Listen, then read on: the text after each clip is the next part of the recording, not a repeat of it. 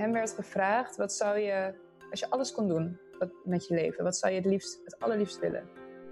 En wat zou je je zusje wensen? En hij zei: Ik hoop dat ik dit overleef. En ik gun dat alle kindjes hier die op Lesbos wonen. En ik hoop dat mijn zusje, als ik het niet overleef, dat mijn zusje het wel overleeft. Je luistert naar de Sheltersuit Stories, een podcast waarin we de verhalen vertellen van de mensen die betrokken zijn bij Sheltersuit. Van dakloze problematiek dichtbij tot verhalen van vluchtelingen op Lesbos. We zijn er om onze pakken uit te delen. De verhalen die we meemaken op onze reizen of uit ons atelier delen we graag met jou in deze podcast. Ik ben Willemijn en ik zorg voor de marketing en de communicatie. Zo hou ik me bezig met al onze uitingen, projecten en het verzamelen van al deze verhalen. Deze eerste aflevering maken we zomaar als een proef. Om te kijken of we het verhaal van Tony het podium kunnen geven dat dit verdient.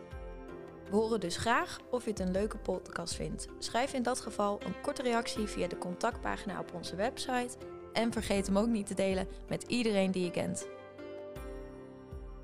Vandaag het verhaal van Tony. Zij is al op vele reizen geweest met Sheldsuit en is vorige week teruggekomen uit Lesbos. Wie ben je en hoe ben je in aanraking gekomen met Sheldsuit?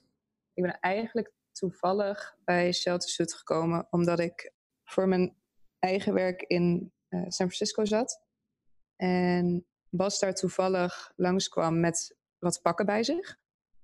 En toen uh, zijn we gewoon twee dagen op stap gegaan en pakken uitgedeeld. Waarbij ik dus foto's heb gemaakt. Uh, ja, wat eigenlijk een gewoon best natuurlijke samenwerking was. Die uh, best mooie beelden had opgeleverd.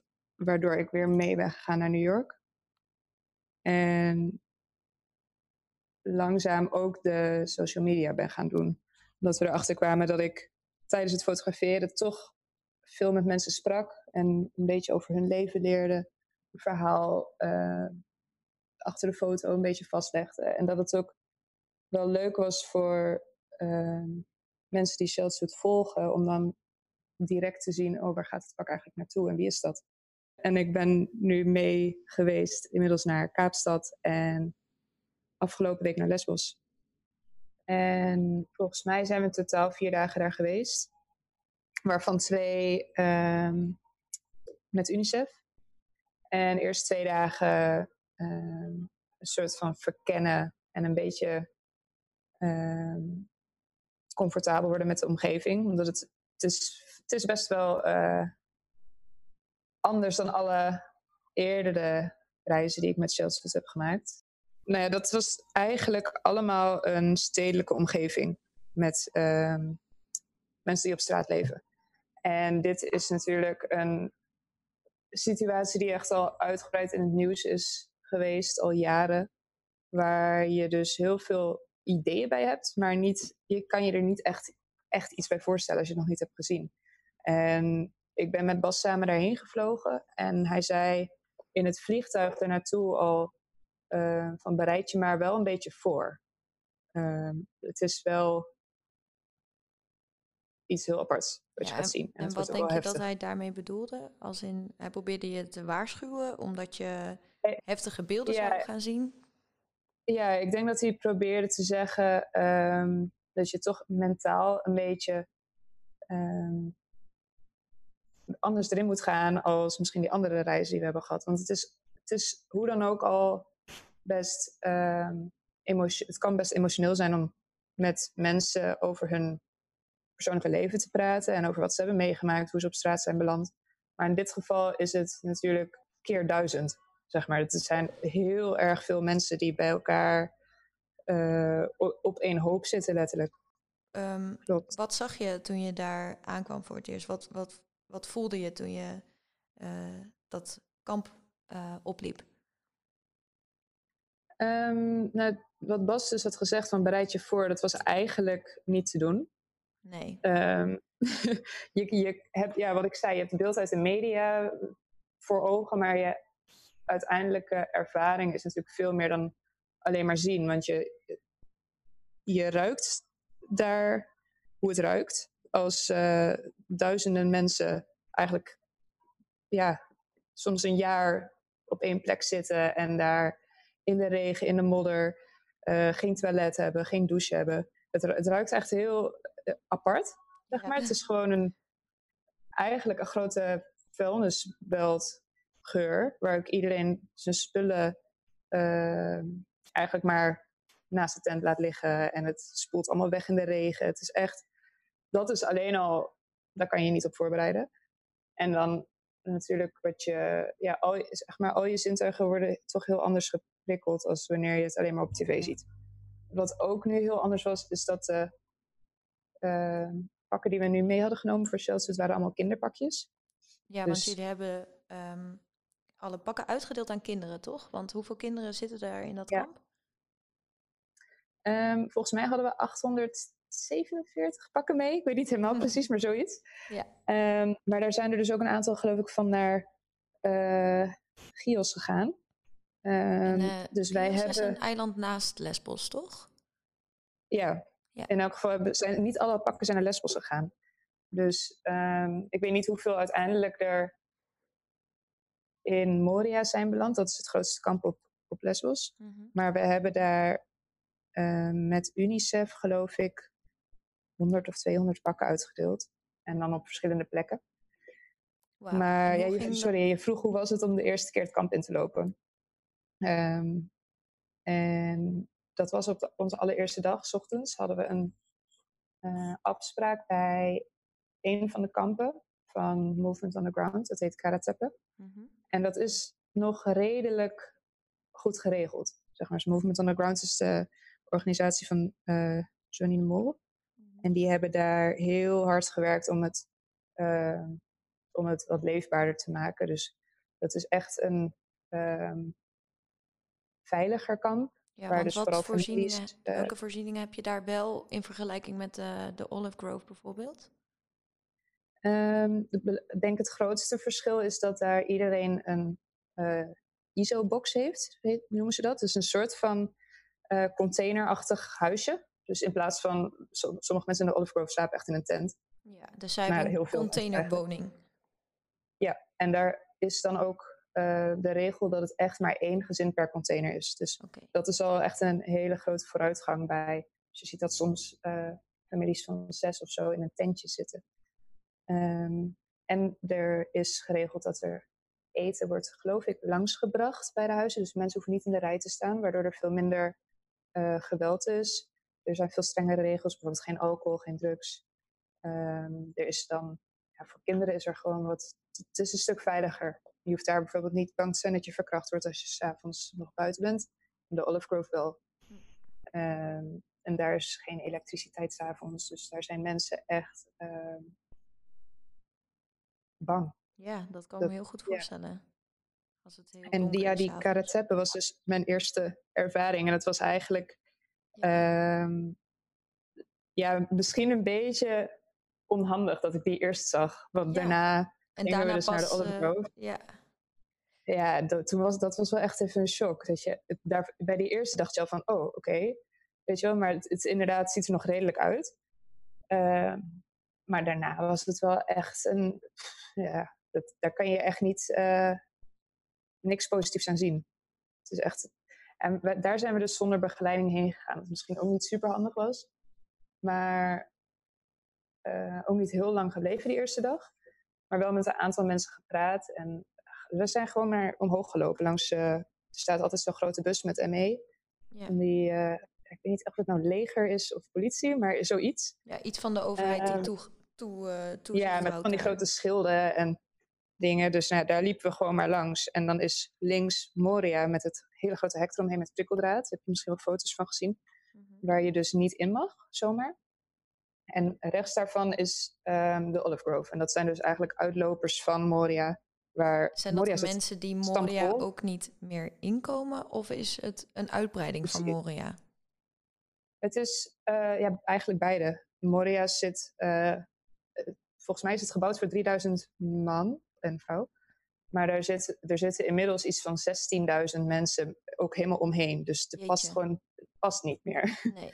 het is echt uh, ja, iets van zes keer, vijf keer zo'n capaciteit, uh, geloof ik, zeiden ze. Uh, maar Moria is in elk geval de grootste. En daar zit ook het officiële ehm, meldingspunt. Dus iedereen die aankomt met de, met de boot, voor zover ik weet, is het de bedoeling dat die naar Moria gebracht worden om daar eerst ehm, door een soort ja, aanmeldprocedure, registratieproces heet het, uh, doorheen te gaan. En daar wordt dan een medische keuring gedaan. Er wordt je fingerprint, uh, dat, dat soort dingen. En nou ja, dan zou je toegewezen moeten worden naar een kamp, maar er is dus geen plek. Dus dan is het eigenlijk volgens mij, zoek het maar uit. Ja, want ik heb ook wel eens dus uh, volgens mij gehoord van anderen, nou weet ik niet meer precies wie, maar dat er ook gigantische rijen staan voor zo'n uh, meldpunt. Dat het echt, uh, dat mensen soms dagenlang in die rij moesten staan en dat ze zichzelf ze elkaar gingen aflossen, omdat als je je plekje uit de rij nam, dat je dan weer helemaal achteraan moest sluiten. Is dat nog steeds zo of heb je daar iets over gehoord? Ik weet niet of dat nog steeds zo is, maar ik heb wel veel gehoord over het in de rij staan dat dat inderdaad heel erg was ehm, voor ook geweld. Dat er heel veel gevochten werd in die rijen. Dat waren ook rijen voor voedsel, uh, voor het toilet, voor, eigenlijk voor alles. Voor, uh, volgens mij wat het leger deed, ik weet dus niet of dat nog zo is, dus ik weet niet of je dat moet vertellen, maar die brachten eten met gewoon grote trucks en dumpte dat, of ja, dumpte, legde dat neer onder de Olive Grove bij Moria. En het was zo'n dan zo Eigenlijk zo van ieder voor zich. Ja. Uh, ren er maar naartoe. Ja, En dat ging natuurlijk nooit goed. Nee. En wat we in elk geval in Karatepe nu hebben gedaan, is dat het dus eten wordt dus langsgebracht. Um, zodat iedereen wat krijgt. Um, of ze krijgen bonnen. Maar ze wilden er in elk geval vanaf van het wachtsysteem, omdat dat ook. Uh, toen wij de shelters gingen uitdelen, toen zijn ze ook in de rij gaan staan. Maar die vrouw van het van de opvang die zei wel van, nou, eigenlijk zijn we daar best wel niet zo fan van, want ze hebben dus traumatische dingen meegemaakt in de rij. Dat het alles, elke dag, als je naar de wc moest, moest je drie uur in de rij. De Olive Grove, dat is dus het kamp om Moria heen, wat steeds verder uitbreidt, komen nog steeds elke dag mensen bij die een tentje aan het opbouwen waren en een huis, nieuw huisje aan het bouwen. En wij zijn dus, dus helemaal naar het eind gelopen en daar zagen we een paar van die gooitentjes met ja, jonge jongens, uh, denk tieners, misschien net twintig of zo. En eentje daarvan die uh, wilde wel met ons praten en een beetje vertellen. En hij bleek al twee jaar papieren te hebben. Dus hij uh, had niet op Lesbos gezeten, maar op Chios zelf. Dat is een ander kamp. En hij heeft dus papieren gekregen en hij was nu teruggekomen naar Lesbos um, om zijn vrienden op te zoeken, die dus net waren aangekomen, die nog geen papieren hebben. En die beginnen nu pas met het hele proces. En hij zei, ja, ik ben gekomen om, om, te, om steun te bieden en om te laten zien dat er dus wel hoop is. Ja, hij wilde eigenlijk een, ja, een beetje, ook al is het heel onzeker natuurlijk, maar toch een beetje steun geven of een lichtpuntje zijn voor zijn vrienden. En dat vond ik wel echt heel mooi. Dat, dat is dan een, zijn, zijn cadeau of zo aan zijn vrienden. Van nou, weet je wel, kom op. Uh, het is mij ook gelukt, het kan. Dus niet opgeven. Het is natuurlijk ook, het wordt winter, dus het is uh, heel uitzichtloos. Dus dat is ook het besef bij iedereen wel als je daar rondloopt. Ja, het, wordt nu alleen maar kouder. Die eerste dag hebben we vooral dus gekeken en alles een beetje opgenomen. Um, en met één man gepraat, die zijn we een paar dagen later toevallig weer tegengekomen. We hebben eerst echt gepraat en um, nou, hij nodigde ons dan uit thuis in zijn huis. Nou, zelf ook een beetje met, met zo'n uh, ja, sceptische humor of zo. Je moet toch wat ervan maken. Dan had hij zo'n tuintje. Tuintje. tuintje. Helemaal nat geregend. Ja. En dan een vrouw met, volgens mij, hadden drie kinderen. En ja, die zaten daar dan in een tentje. En wij mochten dan daar op een bankje zitten, wat eigenlijk volgens mij doorweekt foam ding was. Waar ik niet heel fijn op zat, maar goed. Ja, het is toch ook, ja, het is echt een uh, knop omzetten. En hij vertelde dat zijn vrouw uh, s'nachts moest plassen, een paar dagen daarvoor. En hij ging dan mee om uh, met de telefoon een beetje het licht bij te schijnen, omdat het dus donker is. En toen werd hij besprongen door twee, dacht hij, misschien meer, mensen met maskers op die hebben hem met een mes en die hebben gewoon in zijn been uh, gestoken, liet hij ook zien. In zijn knie helemaal van die mes steken. Om de telefoon. En hij zei, ja, ik ben, eh, ja, je steekt me maar dood. Ik geef die telefoon niet af. Dat is het laatste wat ik heb. En uh, hij zei, ik heb gewoon heel vaak om hulp geroepen. En toen kwamen er op een gegeven moment buren of ja, mensen die dat dus hoorden. Die kwamen helpen en hij heeft zijn telefoon dus niet afgegeven. Maar dat zegt al wel echt hoe weinig... Wij, ik zou mijn telefoon meteen afgeven. Ik zou alles afgeven, weet je wel. Ja. En hij heeft dus zijn leven bewijzen van ervoor over om dat laatste beetje nog vast te houden. Contact met familie. Precies. Uh, ja, dat, dat is echt het enige wat. En hij had een soort van baantje, want hij kon goed Duits en uh, Engels ook. Dus hij vrijwilligde ergens in het stadje. Dan ging hij met de bus elke dag. En nou ja, dan heb je telefoon wel nodig. Het, het, het, zijn echt, dat zegt ook wel dat hij gewoon een hoogopgeleid iemand is die uh, heel graag wil werken. Alleen niet, hij mag het officieel niet. Maar wat ga je anders daar doen ook? Yeah. En uh, het is ook wel goed, ik besefte me dat, denk ik, de tweede dag. Um, nadat ik daar dus een beetje van bij was gekomen, van die shock van oké, okay, het, is echt, het is echt een shuttle.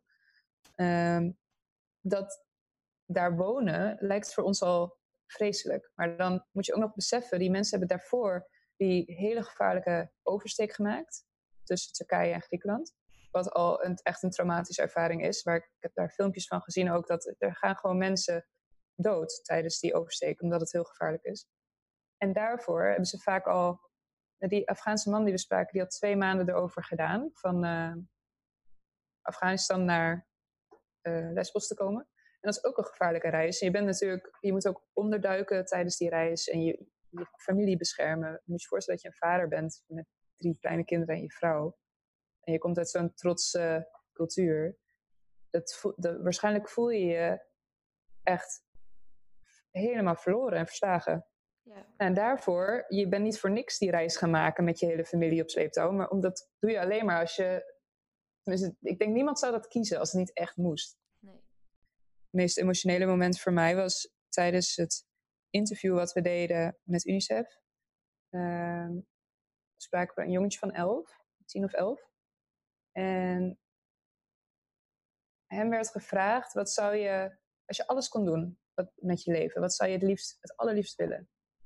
En wat zou je je zusje wensen? En hij zei, ik hoop dat ik dit overleef. En ik gun dat alle kindjes hier die op Lesbos wonen en ik hoop dat mijn zusje, als ik het niet overleef, dat mijn zusje het wel overleeft. En als je dat hoort uit een jong, zo'n klein jongetje. We waren daarvoor meegeweest naar de daycare. Dus een soort van één uur school per dag of zo. En dan, je verwacht eigenlijk, die leeftijd zijn blije kindjes, weet je wel. Die, hij zei ook, ik wil het liefst voetballen, want dat heb ik altijd gedaan en ik was daar heel goed in, maar er is hier geen bal. Weet je, en hij zei, het enige waar ik hier maar me druk om moet maken is dat ik elke keer mijn kleren moet wassen, omdat alles vies wordt van de modder. En we kunnen niet een privé gesprek hebben als familie, want we zitten tent aan tent. En we zijn s'avonds bang, want het is altijd donker. En echt, dat, is, dat wil je niet dat een kindje zich daarmee bezighoudt überhaupt. En die ouders die, die willen dat ook niet, natuurlijk.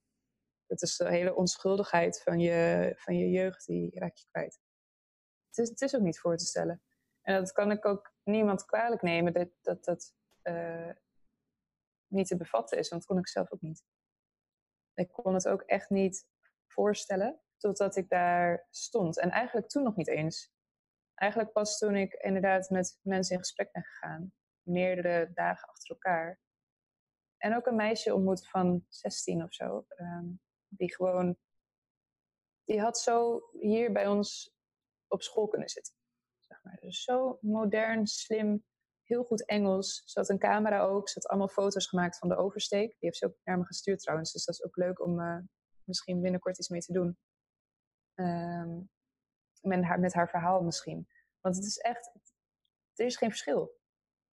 Tussen uh, een meisje van 15 hier of als je haar zou zien. En dan, ja, dan besef je dat inderdaad. Het is echt. En je, het, het, je gunt het echt niemand om. Ik, ik heb het daar in verschillend weer ook meegemaakt. Uh, de eerste dag was het best mm, zonnig en gewoon droog. Prima weer. Maar de laatste dag dat we weggingen was er echt een grote storm.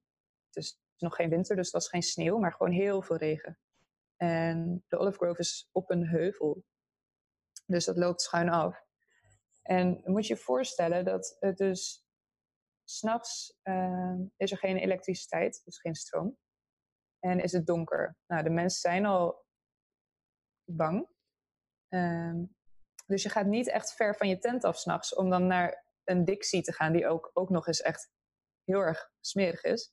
Dus dan doe je liever dat veilig bij je tent. Maar als iedereen, 16.000 mensen, dat dus doet en het gaat regenen, nou, die mensen die onderaan staan met een tentje, die krijgen dus letterlijk alle shit over zich heen.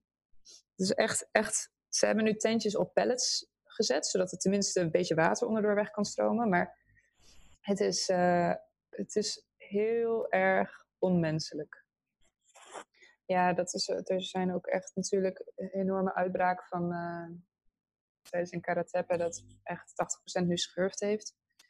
Ja, dat, gaat, dat leeft dan in je bed en in je kleren. En dat moet dan allemaal gewassen. En nou ja, er zijn natuurlijk al veel te weinig kleding. Nou, en wasmachines. Hoe was je je kleren op Lesbos? In plassen water? Of hoe doe je dat? Ja, bij Karatepe hebben ze dus uh, drie wasmachines of zo. Maar uh, ik weet niet hoe de Olive Grove, dat, dat, er is geen wasmachine mee, geen warm water. Geen, uh... Zover, ik, ik heb geen douches gezien of warm water. Er zijn kraantjes, dus daar kunnen ze volgens mij wel um, drinkwater uithalen en uh, ja, bijvoorbeeld de afwas doen met koud water. Maar ja, het is wel echt wonderbaarlijk om te zien trouwens hoe uh, snel er... Er zijn echt stukken in de Olive Grove waar gewoon... Um, kleine dorp, het zijn kleine dorpjes al. En op de ene dag dat het mooi weer was, was er echt best een gezellige sfeer. Mm Liepen we daar rond. Er was dan een stuk waar de, alle broodbakkers woonden. En dan hebben ze van die hele grote kuilen gegraven in de grond. En dan worden dan die, ja, die, wat zijn het, pides of Turkse broden, die zo aan de rand geplakt worden. Heel mooi om te zien. En dat was echt, ja, als het mooi weer is, best gezellig. Maar alle hulporganisaties die we hebben gesproken, die zeiden ook, ja, als het, zodra het weer omslaat, slaat de sfeer ook om. En wordt het grimmig, mensen worden geïrriteerd, mensen worden uh, ongeduldig, chagrijnig. En dan wordt het gevaarlijk. Dus dan wil je er ook niet meer zijn. Want mogen die mensen nog wel vuurtjes stoken dan op het kamp? Of is dat uh, ook uh, onder bepaalde regels? Nou, regels werken niet echt, geloof ik. Wat ik ook, ja, dat is ook nog wel wat. een van de jongens bijvoorbeeld, waar we dus mee praten, die zei ook, ja, iets kan wel niet mogen, maar wie gaat er wat aan doen? Weet je, er staat dus politie onderaan. Maar er was de avond uh, voordat wij daar waren, is er iemand vermoord in uh, Moria. Gewoon door ruzie. Wow. Uh, ja, dat ja, vonden wij ook heftig om te horen. En er is dus, er wordt, is dus niet ook echt iets aan gedaan. En zoals die man ook, waar ik over vertelde, die zijn telefoon ehm, niet wilde afgeven toen die dus overvallen werd en om hulp roept. Nou, de politie komt dus niet helpen. En die staan onderaan met hun schulden. Maar wat, wat die jongen vertelde is dat zij in plaats van te gaan helpen, gaan zij in hun bus zitten en doen de deur op slot. Dat is echt Zo bizar. erg is het. Ja. Wow. Echt heel erg raar. Je denkt van, oh, maar die zijn er om dit soort dingen te voorkomen of om Toezicht uh, houden. de mensen te helpen. Ja. Maar de, nee, maar die zijn ook zo outnumbered. Als er echt een grote rel komt, die gaan niks doen hoor. Nee. En wat doen ze dan wel daar, denk je? Nou, wat ik hoorde, maar dat is ook natuurlijk maar een mening van de mensen die ik heb gesproken, die in het kamp zitten, um, doen ze niks. Sigaretjes roken. En dat is ook wel een beetje, dat is ook net weer zo'n lastig iets waar ik niet helemaal genoeg van de politieke situatie af weet. Want ik weet dus niet of zij zijn ingezet door de overheid, of zij zijn ingezet door de politie. Is het, is het daar, ik weet niet of het corrupt is, weet je wel. Dus dat. Je hebt eigenlijk geen idee natuurlijk. Nee. Nee, ik vind het ook echt. Ik heb daar ook rondgevraagd, maar het schijnt dat daar. Misschien willen mensen het ook niet zeggen, of ze weten het ook niet. Maar um, ik denk dat het ook heel vaak zo is dat ze het niet, niet willen zeggen of geen uitspraak over durven te doen, omdat dan misschien toch voor de organisatie slecht is of zo. Net als dat heel veel mensen die wij spraken niet op de foto wilden of niet geïnterviewd wilden, omdat dat. Uh, hun kans op asylum, weet het? Asiel. ja, op papieren de, zou kunnen belemmeren. Ja. Schijnbaar als je ook ergens herkend wordt met je naam of je gezicht, of op social media iets verkeerd zegt, of een pagina hebt geliked, of een, weet je wel, iets ook maar twijfelachtigs hebt gedaan, dan kan het of je kansen verpesten of aanzienlijk verlengen dat je daar nog een half jaar zit of zo. Dus um, ja, heel veel mensen zijn er, daarom waren het met die kinderen ook zo extreem voorzichtig, dat daar geen gezichten in beeld mogen. En kijk, als een volwassene in de Olive Grove zegt, ja is goed, ik wil wel op de foto, dan, um, dan was het natuurlijk prima. Net als die jongen die uit Athene die al papieren had, die wilde wel op de foto, want voor hem was er geen risico meer. Maar veel mensen waren er toch uh, wel iets te veel meegemaakt om dat nog op het spel te zetten, zeg maar. Heel oneerlijk. Maar die, uh, dat besef wat wij de eerste twee dagen hadden van daar rondlopen. En dus we hadden nog geen pakken bij ons, want dat gingen we pas de laatste dag doen. Het is, ook al heb je een pak bij je, je voelt je alsnog niet echt uh, nuttig. Want je, de hoeveelheid, ja, dan kom je een paar honderd pakken brengen. Weet je wel, maar dan was dat daar ook wel last van. Van ja, is dit nou, heeft dit nou wel nut? Maar uiteindelijk, ja, tuurlijk heeft het nut. Als je één iemand warm kan houden, of je zorgt ervoor dat dat ene kind dus wel de winter overleeft. Het klinkt heel grof, maar dat, dat is wel wat we dan uiteindelijk hopen te doen. Ja. En ja. Eén iemand ja. helpen is eigenlijk al genoeg, hè? Om het ja. zo maar even te zeggen. Je wilt natuurlijk heel veel mensen helpen, maar als jij wat in iemands leven kan betekenen en je kan één iemand helpen, waarom zou je dat dan niet doen? Precies. Ja, we kwamen ook iemand tegen die een volwassen man die een sheltersuit aan had. Dat we dus niet mee hadden. Dus van, hoe kom je daaraan? Ja, yeah, I got it uh, two years ago. dus dat was wel echt superleuk.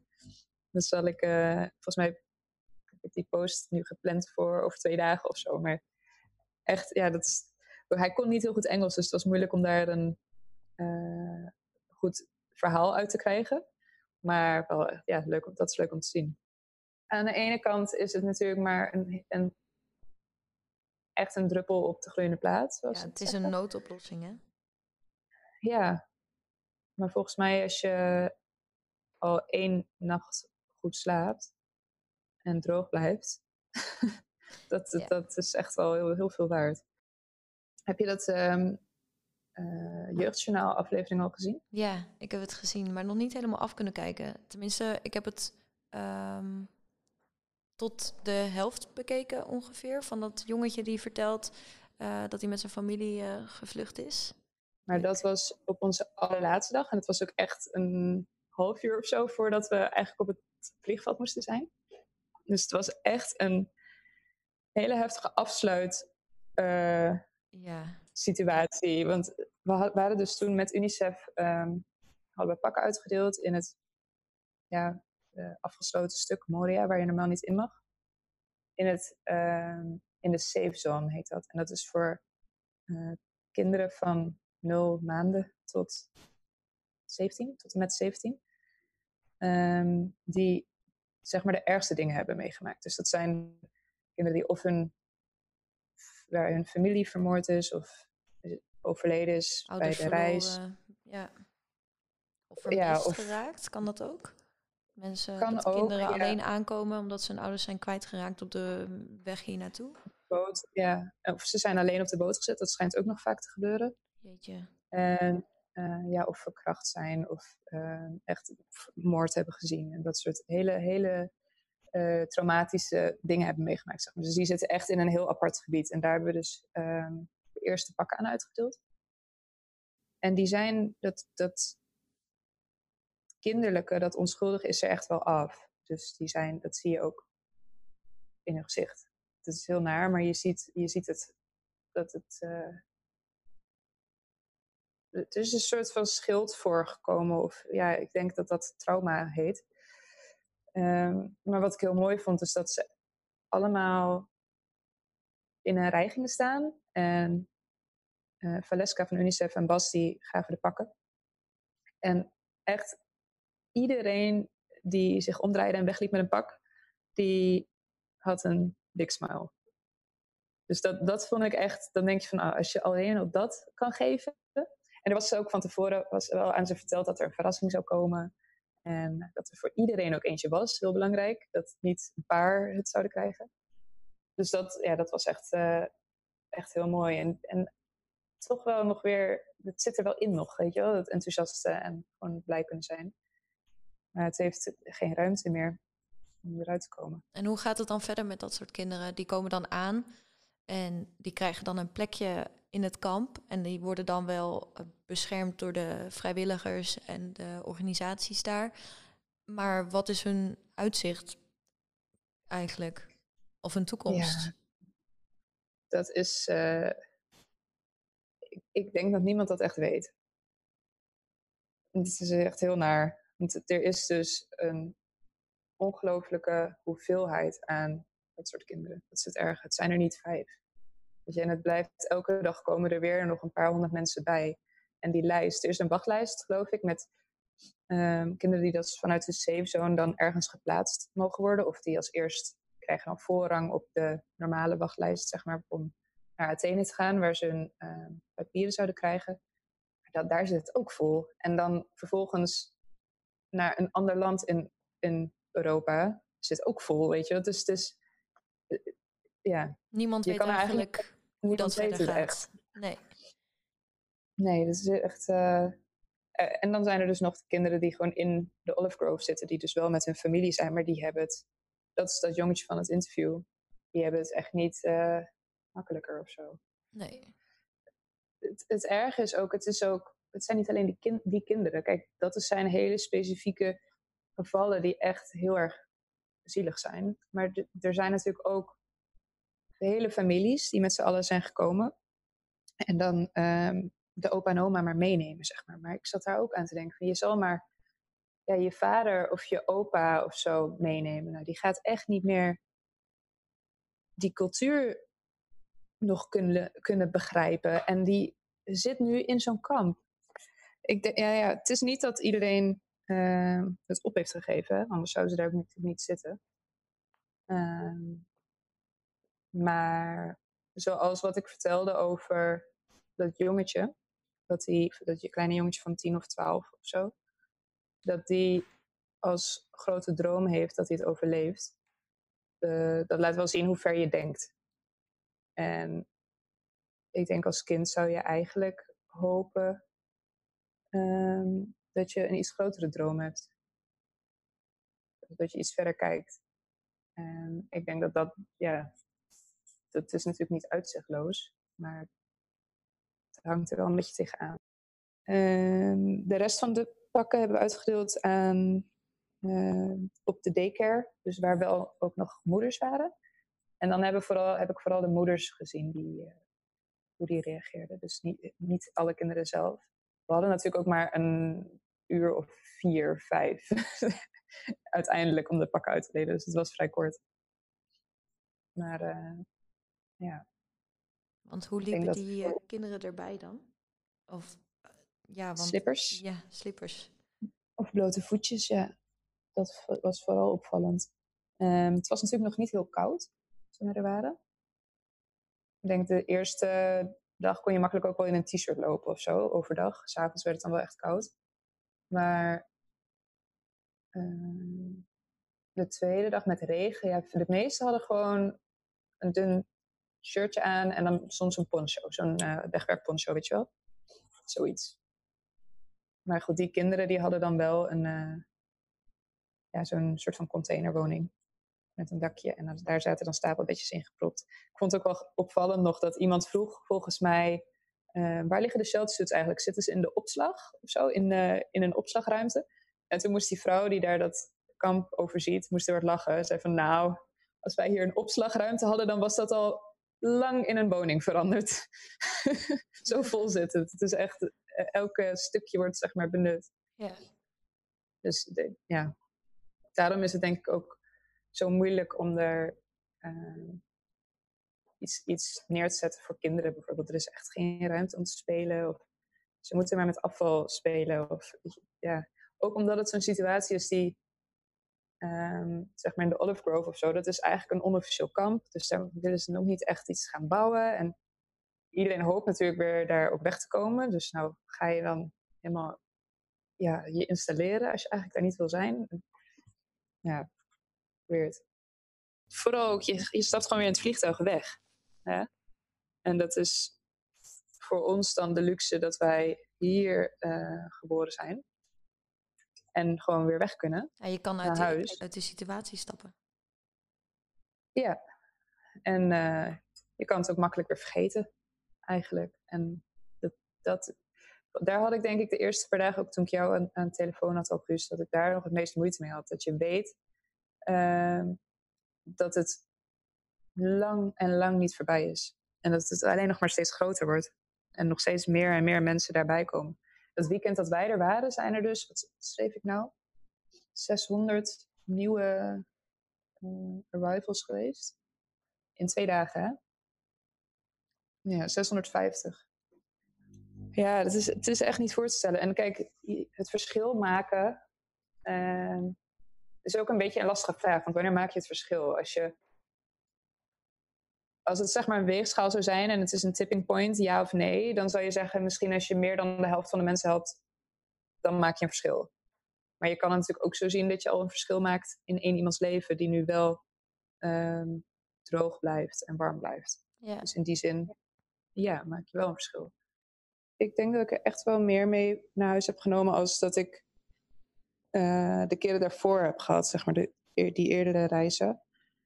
Um, maar dat ik ook, omdat ik eigenlijk meteen toen ik thuis kwam uh, heel druk was en aan het werk moest, dat het, misschien was dat juist wel goed, dat ik daardoor even afleiding had en dan niet de hele tijd erbij stil stond. Maar ik weet nog wel dat ik toen ik aankwam, uh, terug in Arnhem, zeg maar, en uit de trein stapte, toen was ik wel echt even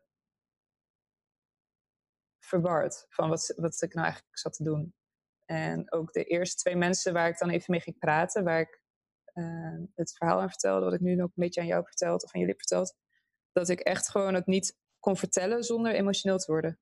Omdat het zo. Ja, ik was er natuurlijk ook aan het werk, dus ik kan dan best wel goed het op afstand houden op, op dat moment. Maar op een gegeven moment komt het toch een keer aan, weet je wel? En ik ben blij dat ik dan met mijn uh, vak waar hopelijk iemand dan wel wat aan heeft. En dus het uitdelen van pakken, maar voor mij ook vooral het dan laten zien van het verhaal. Zoals dat meisje dan, uh, wat ik vertelde, die dus ook heeft gefotografeerd. Dat is dan eigenlijk echt een direct verhaal van iemand. Dus dat, ja, zij heeft natuurlijk geen platform of podium of zo om, om dat te laten zien. Dus als dat via ons kan, je, dat, dat, dat vind ik denk ik ook het mooie dat je door contact te hebben echt persoonlijk contact hebben met iemand die je daar hebt ontmoet, um, geef, kun je diegene echt een stukje hoop geven. We hebben haar geen pak kunnen geven, maar we kunnen haar iets anders geven. Heeft ze een telefoon? Ja, ze heeft Instagram en ze heeft me nu echt gisteren, ik weet niet, honderd foto's gestuurd via, via Instagram. Um, dus ja, ik weet waar ze woont en haar naam en zo. En ik heb ook foto's dat haar familie dus het huis aan het bouwen zijn. Dus dat soort dingen, weet je. Ik denk dat heb ik eerder gehad, ook met daklozen die ik in Amerika heb ontmoet, die ik nog wel spreek via Instagram of die nog wel eens Facebook berichtjes sturen. En dat vind ik ook een beetje hoop geven. Zeg maar, um, het uitzichtloosheid, wat moeilijk te omschrijven is, maar toch, ja, als je geen uh, doel meer in je dag hebt, of geen, niks meer waar je op verheugt, dan is dat misschien, ik kan me voorstellen dat dat het ergste is um, wat er is. En dat je, als je gewoon niet meer blij wordt van iets en je hebt geen drive, dan kan je net goed opgeven. Dus als wij of iemand die daar dat kan bezoekt, als je dat kan bieden, dan is dat denk ik al een heel groot stukje mentale hulp. En ook geïnteresseerd zijn in hun verhaal en in hun persoon. En niet alleen maar in het verhaal van hoe was je reis hier naartoe, maar ook wat vind je leuk om te doen? Of uh, wat, zijn, weet je, wat, wat zijn je wat hobby's? Of vind je, is er een jongen die je leuk vindt of zo? Weet je, dat soort van dingen. Dat is ook gewoon normaal. Maar daar wordt dan niet heel veel aandacht meer gegeven, denk ik. Omdat er het grote probleem er zo overheen hangt. En ehm, wat wordt je volgende reis? Uh, Londen, denk ik. Londen. Engeland. Top. Met? Met uh, camper. Top. En, uh, met Bas. Jullie gaan daar de, weer sheltsuits uitdelen of zijn jullie met een andere reden? Ja, volgens mij uitdelen, maar ik weet het eigenlijk nog niet zeker. Of dat. Oh ja, dat is wel. maar dat is dan met kerst. En dat is heel ergens daartussen. En dan misschien Edinburgh of zoiets.